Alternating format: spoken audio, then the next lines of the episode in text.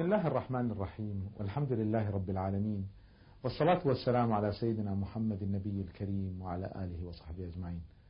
أهلا بكم مع الحلقة الخامسة من صناعة النجاح.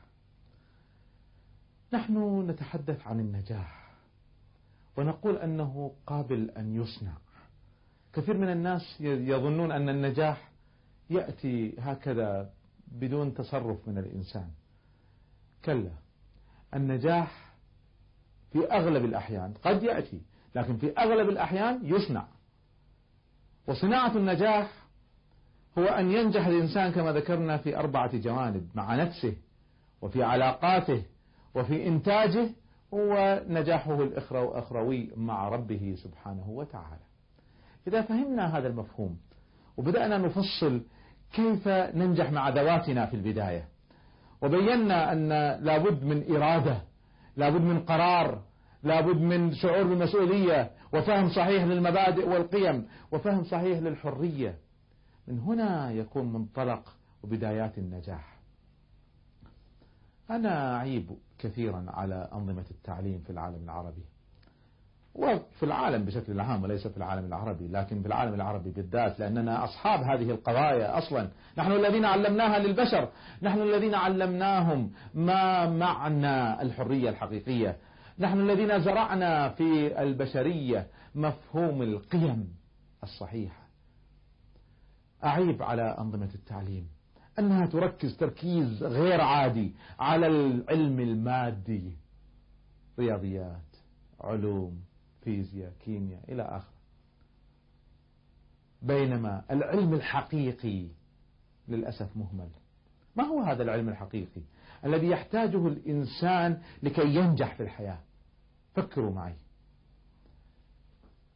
أولا أن يفهم ذاته يفهم نفسه يفهم من هو ماذا أريد لماذا أنا هكذا من أنا هل أنا سعيد؟ ما هي قيمي في الحياة؟ هذا المنطلق للعلم الحقيقي. مبدأ آخر مهم جدا. ما هي العقيدة التي أتبناها؟ كثير من الناس يؤمن بدين لأنه تشرب هذا الدين من من أبويه. وللأسف الدين عندنا يدرس بهذه الطريقة. تلقيني حفظ. ما في غرس حقيقي للعقيدة والقيم. بينما الدين علاقة حقيقية مع الله عز وجل وتعامل مع البشر. يجب أن يغرس غرسا لا أن يلقن تلقينا. ما هي التصورات التي أتبناها؟ كيف أفهم الحياة؟ ما هي المبادئ والقيم التي أتبناها؟ كيف أفهم الحياة؟ هل الحياة كلها نظيفة؟ هل الحياة كلها صادقة؟ هل كل من أتعامل معهم سيعاملوني بلا خداع بجد بصدق. ما يكذبون ما يخدعون ما يلعبون. واضحين صادقين. كلا هذا العلم الحقيقي. للأسف عندنا إحنا الولد أو البنت يتخرج من الثانوية يدخل الجامعة يتخرج من الجامعة يروح إلى عالم الحياة على وجهه كما نقول إحنا يعني هكذا غشيم فارغ من فهم الحياة. وذلك يصاب بمصائب وتحدث له كوارث وتتهدم له علاقات ويفاجأ بمخادعين ومخادعات. من الذي يجب أن يعلمهم هذا العلم؟ في النهاية طبعا المسؤولية على الأبوين أساسا لكن في المسؤولية في النهاية على الإنسان نفسه. هو المسؤول أن يفهم أن يتعلم. هو المسؤول أن يتبنى القيم الصحيحة الصادقة التي توجه توجيه صحيح في الحياة. أنت المسؤول عن نفسك. أنت المسؤول عن ذاتك. أنت المسؤول عن ما يحدث لك. أنت المسؤول في أن تتصرف بشكل صحيح في الحياة. عندما تفهم هذه المعاني عندها تكون انطلقت وتكوني انطلقت نحو النجاح. فالنجاح إذا هو ليس فقط النجاح الدراسي ولا النجاح المهني. هناك نجاح أعظم وهو النجاح في فهم نفسك وفهم حياة من حولك وفهم مستقبلك. في الدنيا والآخرة. بهذا نكون انطلقنا نحو النجاح. أنا كنت أتمنى أن مناهج التعليم عندنا تتبنى أكثر وأكثر تدريس مفاهيم الحياة والقيم والمبادئ ومهارات إدارة التعامل مع الحياة من حولنا. فالعلم الحقيقي نستطيع أن نلخصه نلخصه بالتالي.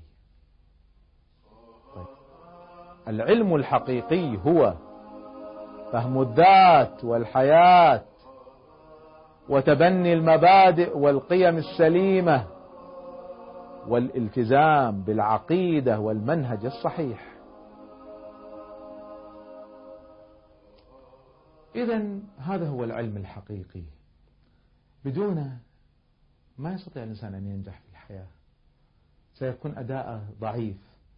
أو سيقلد الآخرين ويمشي مع التيار وأصحابهم الذين يديرون لحياته فكروا معي في هذا العلم الحقيقي.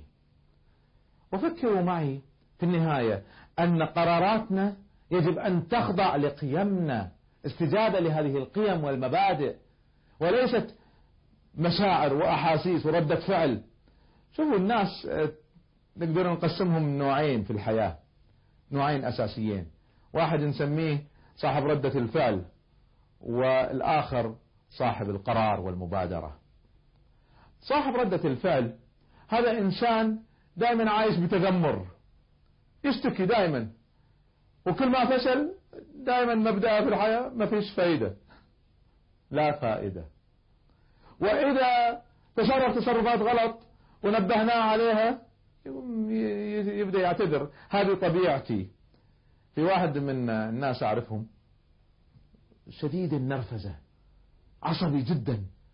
يغضب بسرعة شديدة جدا. فمرة كنت أدردش معه فأقول له يا أبو فلان يعني هدي هدي لو سمحت. خفف. تستطيع أن لا تغضب. فيقول لي يا أبو محمد لا ما أقدر. قلت له ليش؟ قال هذه طبيعتي. قلت يعني شنو هذه طبيعتي قال يعني أنا ورثتها من أهلي. صارت القضية حتى وراثة عنده. كلا كلا. أنت تستطيع أن تتحكم في تصرفاتك تستطيع أن تتحكم في سلوكك. يمكن مشاعرنا نقدر نتحكم فيها كما يقول النبي صلى الله عليه وسلم اللهم هذه حك هذا حكمي فيما أملك. فلا تحاسبني فيما لا أملك. إحنا لا نملك المشاعر أحيانا قد قد أشعر بحزن قد أشعر بحب غير هذا. لكن في النهاية كيف أتصرف عندما أشعر؟ هذا قراري أنا. أنا الذي أستطيع أن أقرر. النبي صلى الله عليه وسلم رأى رجلا غضبان.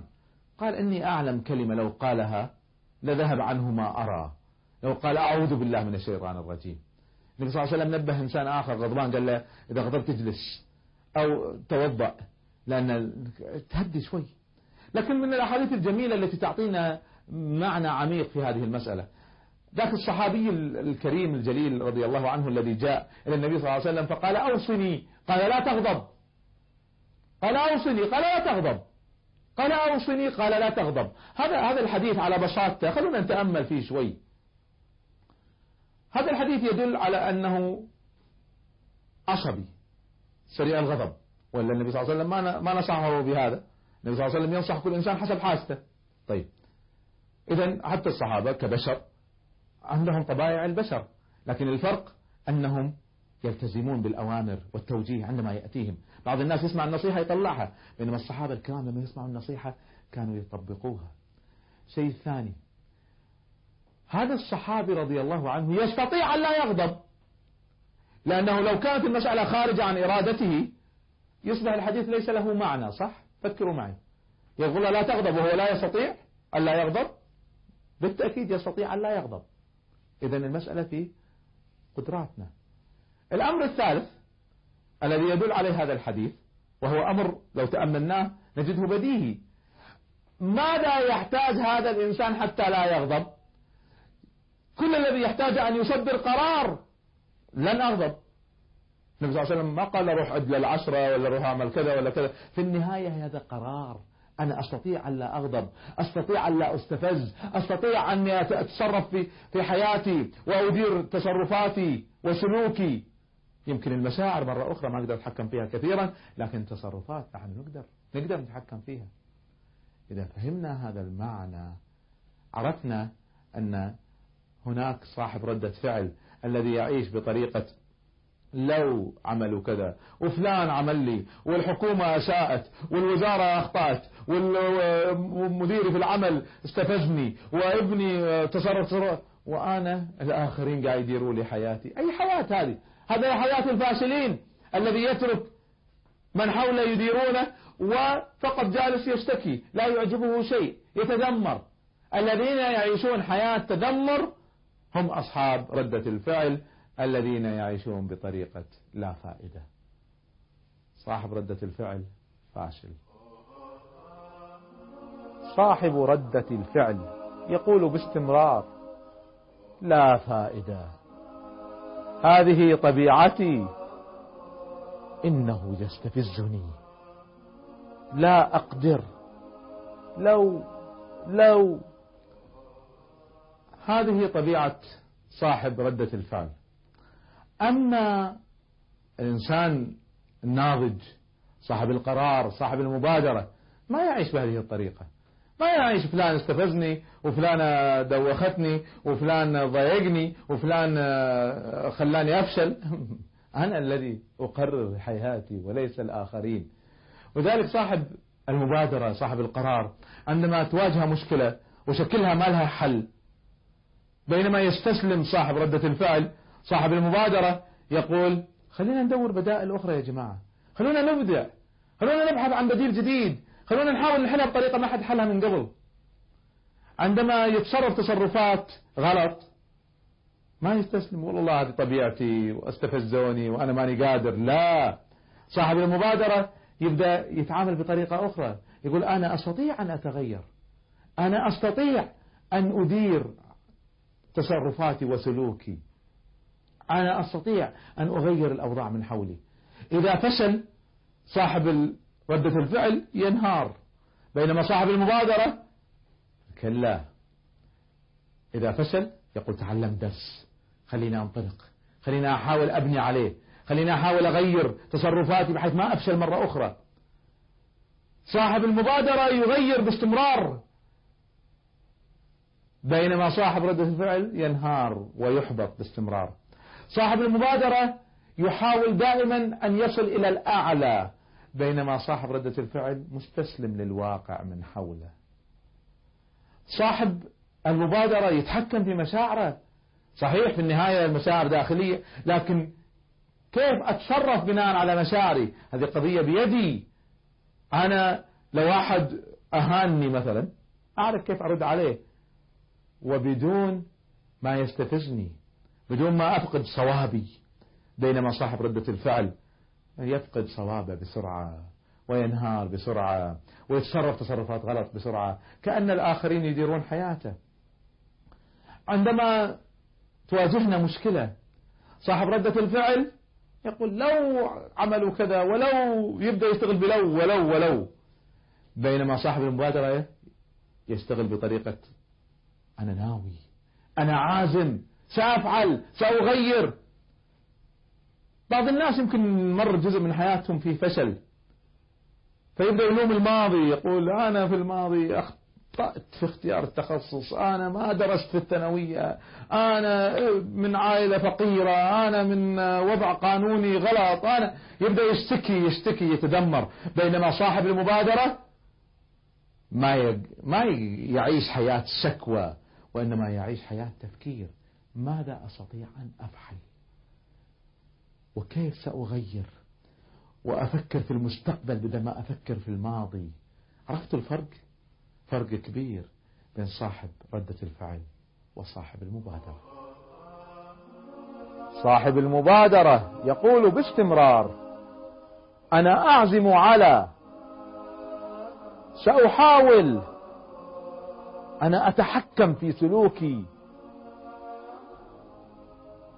ما زلنا مع مفهوم الإنجاز مع النفس. الإنسان عشان ينجح لازم يتحكم في نفسه لازم يدير حياته لازم يرضى داخليا. هذا المفهوم المهم والمفهوم العظيم. نستطيع أن ننميه أكثر وأكثر. عندما نبدأ نتأمل في الحياة من حولنا كل واحد فينا عنده اهتمامات. أنا عندي اهتمام بأهلي عندي اهتمام بعملي عندي اهتمام بأسرتي عندي اهتمام بصحتي بأموالي عندي اهتمامات ببلدي ووطني وأمتي عندي اهتمام بقضية فلسطين عندي اهتمام بالدين عندي اهتمامات. كل واحد فيكم خليه يفكر ما هي اهتماماته. وطبعا إذا كانت اهتمامات الإنسان تافهة سيعيش تافه. وإذا كانت اهتماماته راقية سيرقى. في بعض الناس اهتماماتهم بالعطور وأنواع السيارات. وبس. هذا حياتهم. في بعض الناس أجلكم الله اهتماماتهم أدنى من ذلك. يعني اهتماماتهم بالأحذية. جلكم الله ولا شيء مثل هذا. هذا مثل زوجة ماركوس. عندها 18 ألف زوج حذاء. يعني شيء مش معقول. اهتمام تافه جدا في الحياة. التافهون اهتماماتهم تافهة. الناجحون اهتماماتهم راقية. التافهون أهدافهم صغيرة. الناجحون أهدافهم كبيرة. في أشياء أقدر أغير فيها. في أشياء أنا ما أقدر أغير فيها. أهل الشكوى والتذمر أصحاب ردة الفعل يعيشون في دائرة التذمر. في القضايا اللي ما يقدر يسوي فيها شيء. عند في مشكلة إسكان في مشكلة تعليم في مشكلة صحة في مشكلة يقعد يتدمر أو يتأمل في حال العرب والمسلمين والله أحوالنا تعبانة وأحوالنا زفت وأحوالنا كذا ونحن في ذل ونحن طيب ماذا فعلت حضرتك؟ ماذا أنجزت؟ ماذا غيرت؟ هذا هو الذي نريد أن نسأل لأنفسنا. لو جلسنا نشتكي لن يتغير شيء. لو ظلينا في دائرة أمور تهمنا لكننا لا نستطيع أن نعمل شيء تجاهها سنبقى فاشلين. الإنسان الناجح ما يفكر بهذه الطريقة. الإنسان الناجح يفكر بطريقة أخرى. يفكر بطريقة ماذا أستطيع أن أقدم؟ ماذا أستطيع أن أعدل في الحياة من حولي؟ ماذا أستطيع أن أضيف؟ طيب في مشكلة تعليم هل ممكن أقدم اقتراحات؟ هل ممكن أنشئ مدرسة؟ هل ممكن أساعد في تطوير التعليم بأي صورة من الصور؟ في مشكلة إسكان؟ في مشكلة في, في أشياء أقدر أسوي فيها شيء أحاول. في أشياء أنا ماني قادر أسوي فيها حاجة. خلاص. أركز على الأشياء اللي أقدر أعمل فيها. ليس استسلاما لكن إنجازا. أنا عندما أنشغل بأشياء ما أقدر أعمل فيها حاجة سأكون ضعيف. لأني سأعجز في غالب الأحيان. طبعا ممكن أحاول ممكن أبادر ممكن أتحدى طبعا هذا ممكن لكن أكثر الناس لا يستطيعون عليه ولذلك أنا حديثي لأكثر الناس. وليس للمتحدين. هذول نوعية خاصة بالبشر أنا لا أريد أن أطالب كل الناس أن يكونوا أصحاب تحدي. لكن أنا قاعد أحاول أقول للناس يا جماعة خلوا حياتكم لها قيمة. لا يعقل. لا يعقل إن الآلة لو اشتريت آلة تصوير ما تعمل رجعها. تقول والله ما لها قيمة ما منها فائدة. ليش؟ أنها لا تشتغل لا تعمل. وإنسان بكل قدراته وكل عقله وكل إمكاناته لا يعمل معطل. تعرفون من هو الإنسان المعطل؟ الإنسان الذي ليس له أهداف ليس له قيمة. يعيش يموت لا يفرق. من أي نوع تريد أن تكونوا؟ إذا تريد أن تكونوا من الناجحين لابد أن تبدأ المسألة من ذواتكم. بداية النجاح وأصل النجاح ينطلق مع الإنجاز الداخلي. والإنجاز الداخلي هذا يعتمد على قوانين وقواعد أساسية. لازم تشعر بمسؤوليتك. لازم تعرف معنى الحرية. لازم تفهم الحياة من حولك. لازم تعرف كيف تدير ذاتك. لازم تتحمل قراراتك. لازم تشعر أنك أنت المسؤول عن تصرفاتك. ما هو إنسان آخر. أنت الذي الذي تدير حياتك. لازم تعرف أن التغيير ينبع من قرار وليس انتظار شيء يحدث. هذا هو الذي نتحدث عنه. السعادة إحنا نصنعها النجاح إحنا نصنعه. الانتظار على هامش الحياة لا يصنع نجاحا. فكروا معي في هذه المعاني. وبهذا نكون انتهينا من المفهوم الرئيسي الأول من مفاهيم النجاح وهو الإنجاز مع النفس. في الحلقة القادمة إن شاء الله سنبدأ حديث مهم حول كيف ننجح مع من حولنا. كيف أنجح في علاقاتي مع زوجتي مع أولادي اللي بيتزوج زواج جديد؟ كيف ينجح مع أخوانه مع أصدقائه في عمله؟ كيف ننجح في العلاقات؟ جزء أساسي ومهم جدا من مفاهيم النجاح. ننطلق في صناعة النجاح مع الإنجاز في العلاقات في حلقتنا القادمة إن شاء الله. السلام عليكم ورحمة الله وبركاته.